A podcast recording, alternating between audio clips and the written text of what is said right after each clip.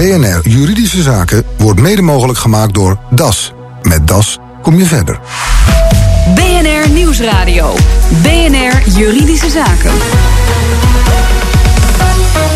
Van. Een geweldig idee pitch. Een tentoonstelling organiseren met grote werk. Een team samenstellen voor een festival. Allemaal heel gebruikelijk in de culturele sector. Allemaal zaken waarbij enige juridische kennis geen overbodige luxe is. Toch valt het met die kennis vaak tegen. Dat merkten mijn gasten van vandaag. Eva Schieveld, lid van het managementteam van het Van Gogh Museum... en vicevoorzitter van de Raad van Toezicht van Poppodium de Melkweg. En Peggy de Jonge, juridisch adviseur in de culturele sector... en jurist van het Stedelijk Museum. Welkom. Ja, jullie eh, kwamen eh, met jullie musea afgelopen jaar in het nieuws op een manier waarbij ik vermoed dat de juristen in actie moeten komen. Daar gaan we het zo over hebben. Maar natuurlijk eerst eh, de andere powervrouw hier aan tafel, collega Nelke van der Heijden. Nog even kort, het speelde. Nou, bij het Van Gogh Museum ging het om gestolen werken. Die zijn in 2002 al gestolen en in 2016 in Italië opgedoken. Maar sinds vorig jaar uh, hangen ze weer in het museum. Opmerkelijk daarbij is dat er een documentaire over is gemaakt... waar ook de, de dief in voorkomt. En daarin blijkt dus, terwijl we vaak denken... nou, zulke grote werken, echte Van Goghs, die kun je niet verkopen. Maar dat bleek dus wel degelijk mogelijk. Klinkt vooral als strafrecht. Straks even checken of dat klopt. Maar eerst het stedelijk. Uh, wat was daar aan de hand? Nou, daar is de directeur opgestapt, Beatrix Roef. En dat had alles te maken met een nevenfunctie die ze had verzwegen. Een eigen kunstadviesbureau waarmee ze volgens onderzoek van NRC in 2015 ruim 4 ton winst had geboekt. Nou, dat riekt natuurlijk naar belangenverstrengeling en daarom is ze opgestapt. Dankjewel, Nelleke. Pekke de Jonge, uh, daar is het probleem dus geen goed bestuur. Is dat het verhaal? Um, nou, Nee, dat kan ik ook niet zo zeggen, want uh, dat weten jullie. Ik was toen nog niet werkzaam. Het had meer te maken met governance. Um, en dat komt ook terug in ons boek. Um, ja. Dat was wel verstandig geweest als mevrouw Roef dat misschien een tijdje terug had gelezen. Uh, dat komt nog niet, hè? Het was er nog niet. nee, het boek was er nog niet. Moet je kijken wat het een invloed kan hebben, zo'n boek gewoon zegt. De hele geschiedenis van het museum en de directieopvolging was anders gelopen. Misschien wel, ja. Nee, serieus, had ja. gekund. Ja.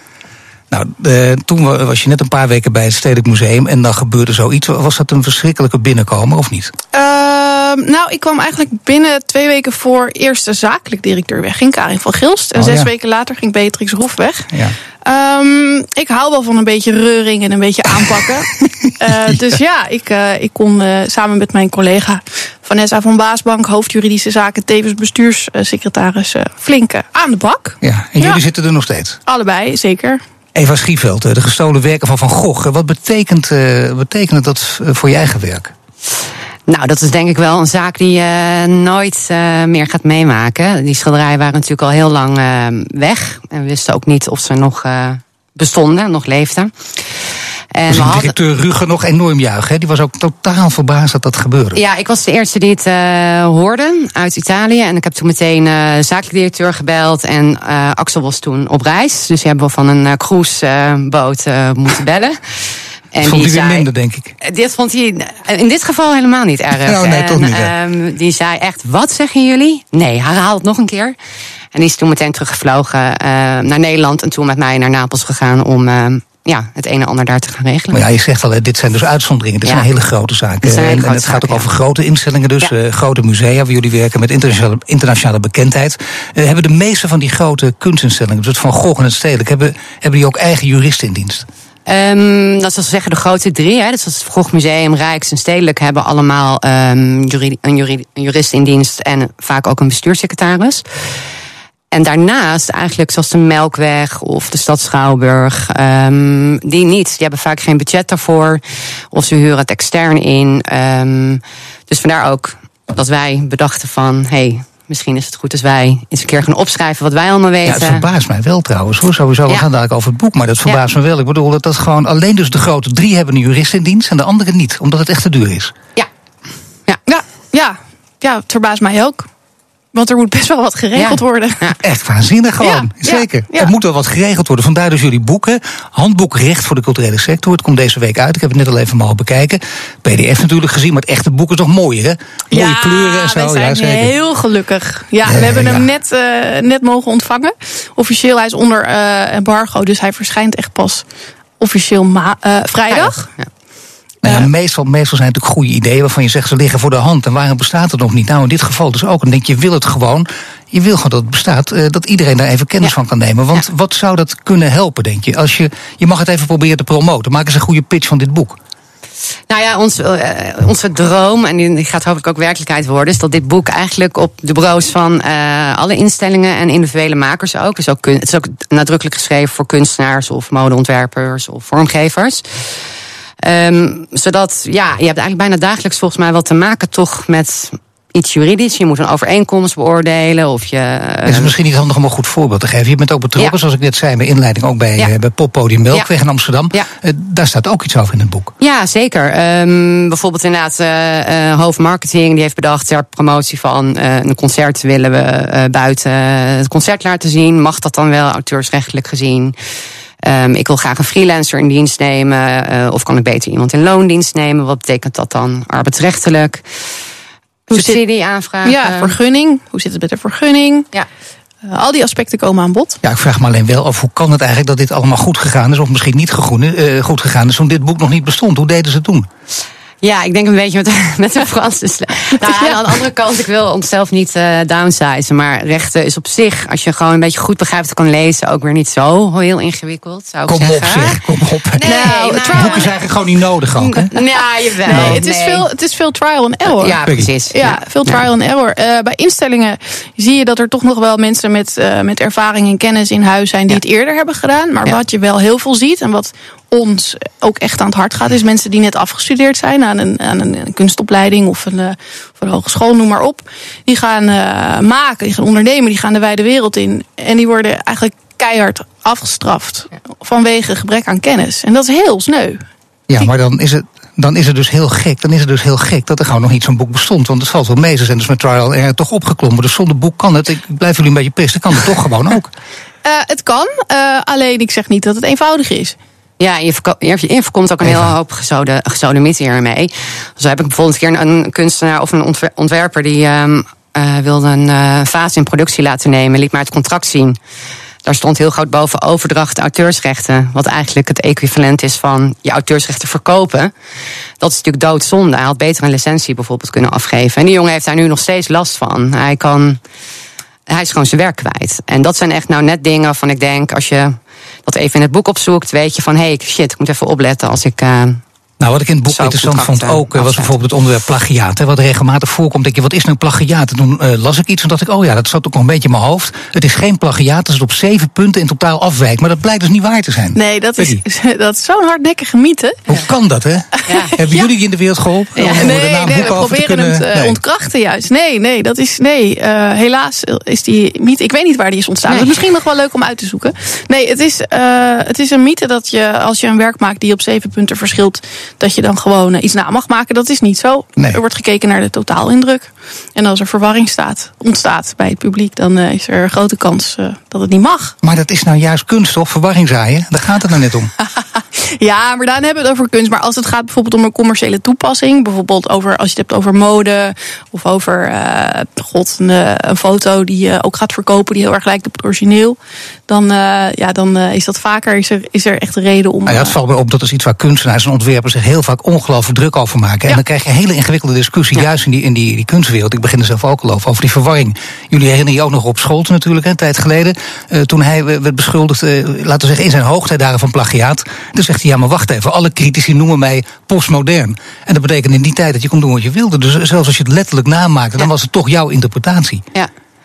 Dan, Ja, dan wordt het ingewikkeld. het want wordt ook is het dan wel of geen plagiaat? Ja, en dat wordt ook ingewikkeld. Hè. Eh, Wat ook niet beschermd is in het auteursrecht is bijvoorbeeld de stijl of, of een idee. En daar ontstaat ook vaak gedoe over. Hè. Dus als je iets maakt in de stijl van Van Gogh... nou ja, Van Gogh is niet meer auteursrecht beschermd... maar je maakt iets in de stijl van een kunstenaar die nog leeft... is dat dan plagiaat? Ehm, ja, dan moet je dus kijken, wat Pekje net ook al zei... naar de totaalindruk. Eh, Het is niet meteen gezegd dat het plagiaat is. Het Nee, kan maar, ook totaal geïnspireerd zijn. indruk, dat, maar totaal indruk wil zeggen, dat, dat is dus uiteindelijk, als de zaak voor de rechter komt, Ja. dan Ja. bepaalt de rechter wat de totaal indruk is. Ja. Daarom is auteursrecht ook een leuk vak voor eh, juristen die eh, ook eh, affiniteit hebben met kunst. Omdat het heel erg gaat over kijken. Je moet heel goed kijken om te kunnen beoordelen. Ja, maar dat is lastig, want de rechter moet dus ook heel goed kijken. Zijn de Ja. rechters in Nederland daartoe in staat om, om dit specifieke terrein ook eh, tot hun te nemen? God, dat vind ik, ja, dat vind ik wel een moeilijke Nou, vraag. ja, maar, dat, ze ja, maar je zijn- hebt een boek geschreven. Ik niet. Ja, maar ja, ja, Ja. laat ik zeggen ja, daar zijn ze toe in staat. Ja. Maar over het algemeen wel. Nee, goed, ja, nee, maar waar, omdat het het correcte antwoord is? Of nee, je Nee, ja, kijk, als je, als je, als je een, een uitspraak leest eh, van een rechter, bijvoorbeeld op boek9.nl, en je kijkt zelf naar, eh, naar de plaatjes die erbij horen. En je bent natuurlijk niet gek, ik ben ook niet gek. Nee. Ja, als jij gaat kijken, denk je ook, nou, dit lijkt wel heel erg op elkaar. Ja. En dan lees je zo'n uitspraak van de rechter. En dan maakt dat wel sens. Dus ja, Ja. nee, daar zijn ze zeker toe in staat. Het is ook vaak niet, ja, het wordt allemaal wel heel theoretisch en juridisch, maar het is soms gewoon geen hogere wiskunde. Dat betekent dus, stel dat ik denk, eh, ik luister nu naar juridische zaken, ik ben juridisch onderlegd, ik ben misschien ook advocaat en ik denk, ik wil dit er wel bij gaan doen of ik helemaal gaan omscholen. Welk specialisme kun je het beste kiezen? Of is het, is het zoveel common sense dat je denkt, eh, ik hoef niet één specialisme te kiezen, ik kan het heel breed gaan doen? Als je echt in de culturele sector aan Als de je in de slag culturele wil, ja, als jurist. Ja. Ja, ik denk toch het grootste deel van het boek gaat ook wel over IE-recht. Ehm, dus dat is sowieso een belangrijk ding. Maar Wat ik voor denk, recht? Intellectueel Oh, sorry, eigendom. intellectuele eigendom. sorry voor Ja, heel goed, ja. nee, Ja. goed. Ehm, maar ook overeenkomsten zien wij heel veel. Ik Ja. denk dat wij dagelijks wel eh, daar vragen over krijgen. Dus dat gaat eigenlijk gewoon over afspraken vastleggen. Wat wil je nou met elkaar bereiken? Wat gebeurt er als de ander niet nakomt? Ik denk dat dat wel de twee, als je echt twee onderwerpen zou moeten kiezen uit dit boek, dat dat wel de meest voorkomende vragen zijn. Zullen we er zo over doorpraten? Graag, Ja. leuk. En straks dan gaan we het hebben over de grote instellingen. Die weten misschien wel hoe ze juridische beslagen ten ijs komen. Maar hoe zit dat met de individuele kleine kunstenaar? BNR Nieuwsradio. BNR Juridische Zaken. Bij kunst en cultuur komt meer recht kijken dan je denkt. Mijn gasten van vandaag hebben een breed scala aan juridische ervaring in de sector opgedaan. En merkten, er is nog geen handboek, hebben zij dus geschreven. Peggy de Jonge, jurist bij het Stedelijk Museum. En Eva Schieveld, jurist bij het Van Gogh Museum. Ja, zo'n boek kun je trouwens eh, elk jaar weer updaten. Dat is ook heel goed. Dat gaat je leven lang mee. Dat is ook mooi bekeken voor jullie. En ook handig voor degene die gaan gebruiken. Eh, we hadden het net even over, eh, het was reclame. En daar luisteren we ook weer naar. En ondertussen zaten we ook nog te praten. En toen ging het, eh, Eva, over, over een frauduur bij Van Gogh. En dat leek me wel een mooi voorbeeld. Ja. Ja, het is ook weer zo- zo'n zaak die je niet denk ik heel vaak meemaakt. Ehm Van Gogh is natuurlijk een vrij waardevolle kunstenaar. Dus er zijn ook wel wat vervalsingen in omloop. Ehm, en wij werden gebeld door een aantal kunsthandelaren.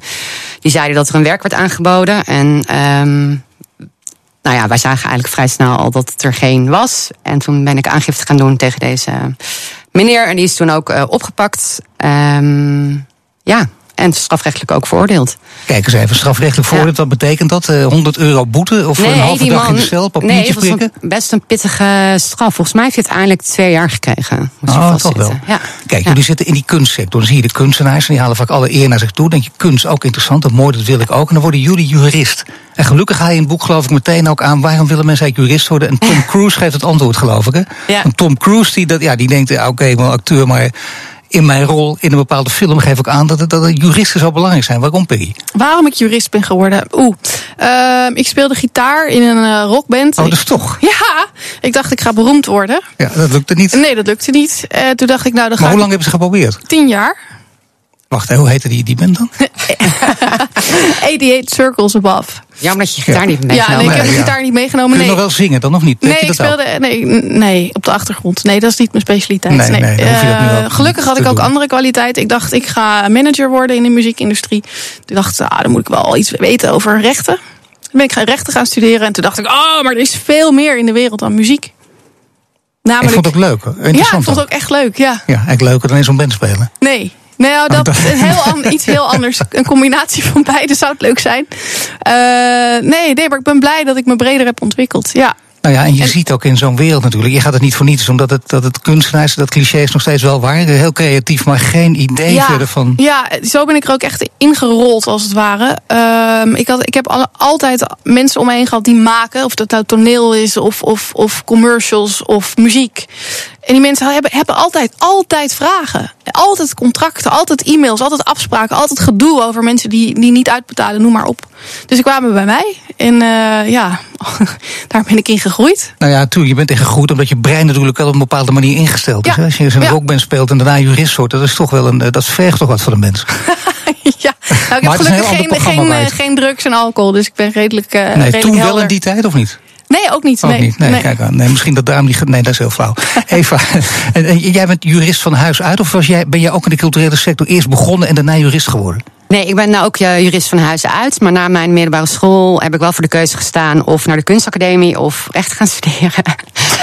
ja, ook heel vreemd. Maar goed. Nou ja, nee, goed, maar jullie maken nu ja. dit boek en zo'n... Ik Ja. zeg al, niet voor niks noem je het ook handboek. Dat lijkt me heel verstandig. Want eh, zo'n handboek is er bijvoorbeeld... was er niet voor ZZP'ers, is er wel. Ja. En dat wordt daarna door ZZP'ers ook heel vaak... als eerste aangeschaft en gelezen. Ja.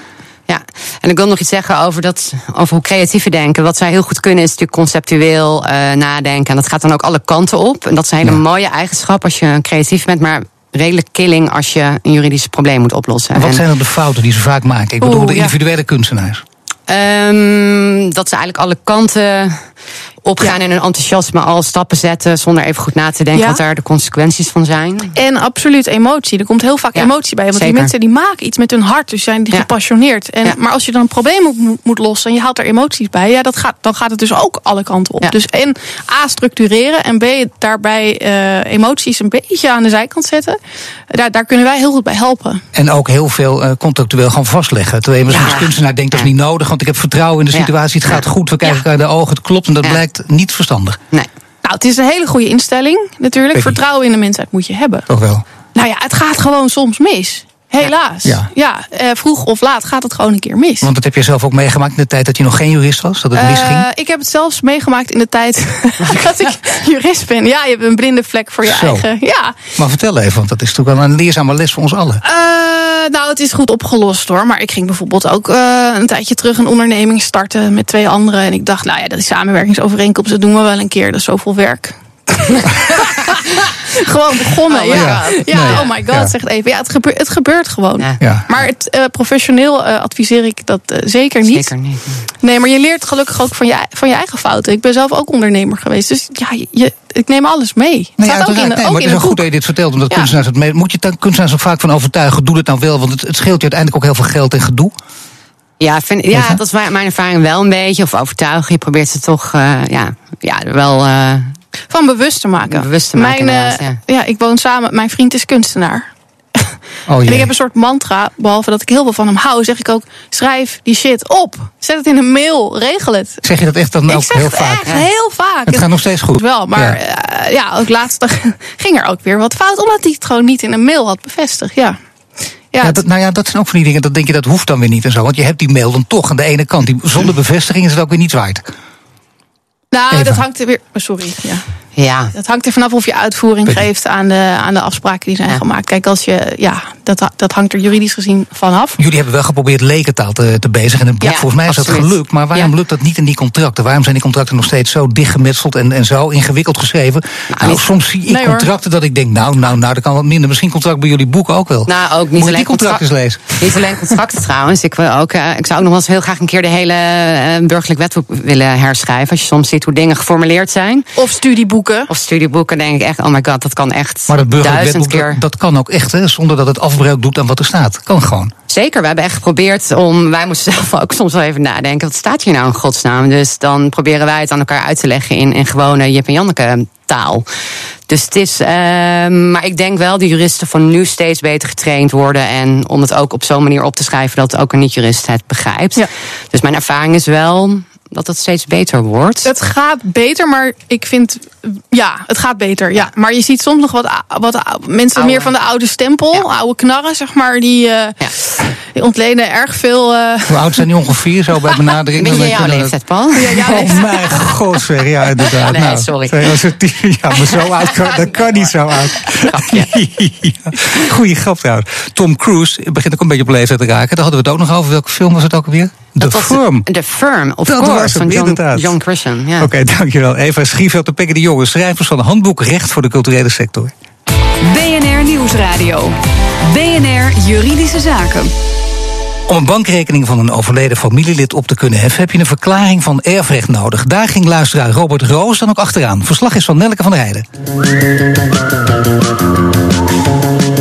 Robert Roos, uw moeder is afgelopen jaar overleden en dan komt er daarna toch ook de vervelende zakelijke afwikkeling, de erfenis.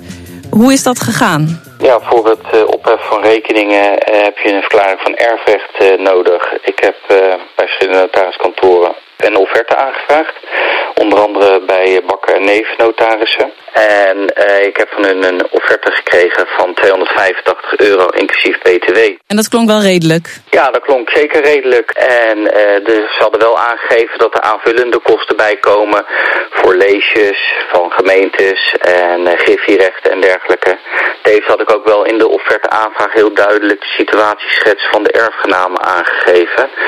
Wat het, zodat zij een indruk hadden over de complexiteit van de, van de situatie. En toen kwam de rekening? Ja, toen kreeg ik nou keurig netjes een verklaring van erfrecht plus een declaratie erbij.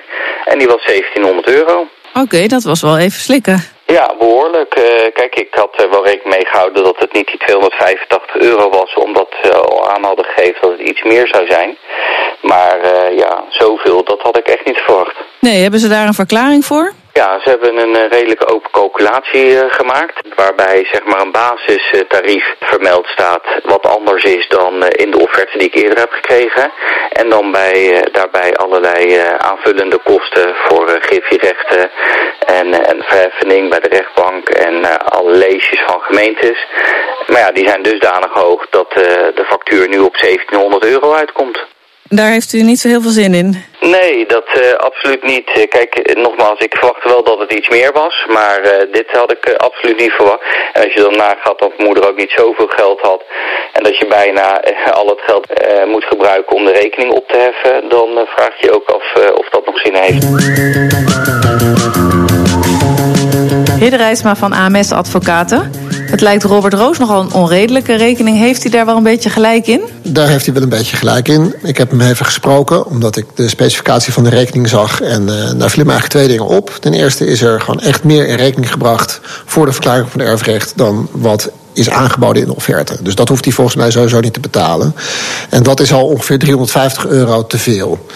Dan zijn er daarnaast inderdaad, zoals hij al zegt, uh, verschotten en leesjes en griffierechten in rekening gebracht die de notaris ook echt heeft moeten maken voor die verklaring van erfrecht. En als ik het offertebedrag plus die bijkomende kosten optel, kom ik op ongeveer 750 euro. Wat echt verband houdt met die verklaring van erfrecht. Dus dat lijkt me wel een terecht deel van de rekening. Dat is aanzienlijk minder dan die 1700. Ja, dat is dus 950 eh, euro uh, minder. Ja, en dat houdt kennelijk verband met een aantal werkzaamheden die wel zijn verricht. Er, is, er staat op de specificatie dat er verklaringen naar nalatenschap zijn afgegeven. Ik weet niet precies wat daar wordt bedoeld. Dat er een verzoekschrift is ingediend om ontheffing van de vereffening te krijgen. Nou, dat is echt een andere aanvullende opdracht. En daarvoor moet echt een afspraak zijn gemaakt met de cliënt om die werkzaamheden te verrichten.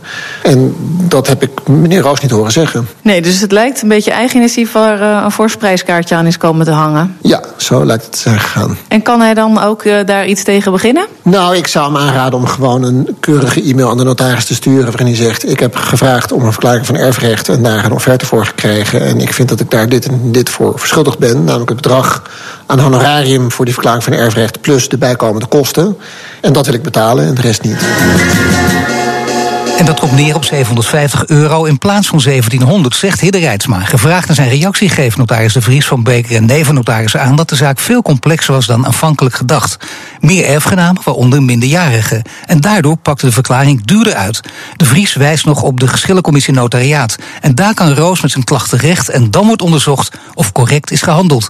Veel meer over erfrecht is te beluisteren in onze nieuwe podcast Dooddoeners, te vinden op bnr.nl, onze app, Spotify of iTunes. En heeft u een juridische vraag, mail hem naar juridischezaken.bnr.nl. Dit was de uitzending van vandaag. U kunt de show terugluisteren via bnr.nl slash juridische zaken. Mijn naam is Paul van Diemt. Tot de volgende zitting. BNR Juridische Zaken wordt mede mogelijk gemaakt door DAS. Met DAS kom je verder.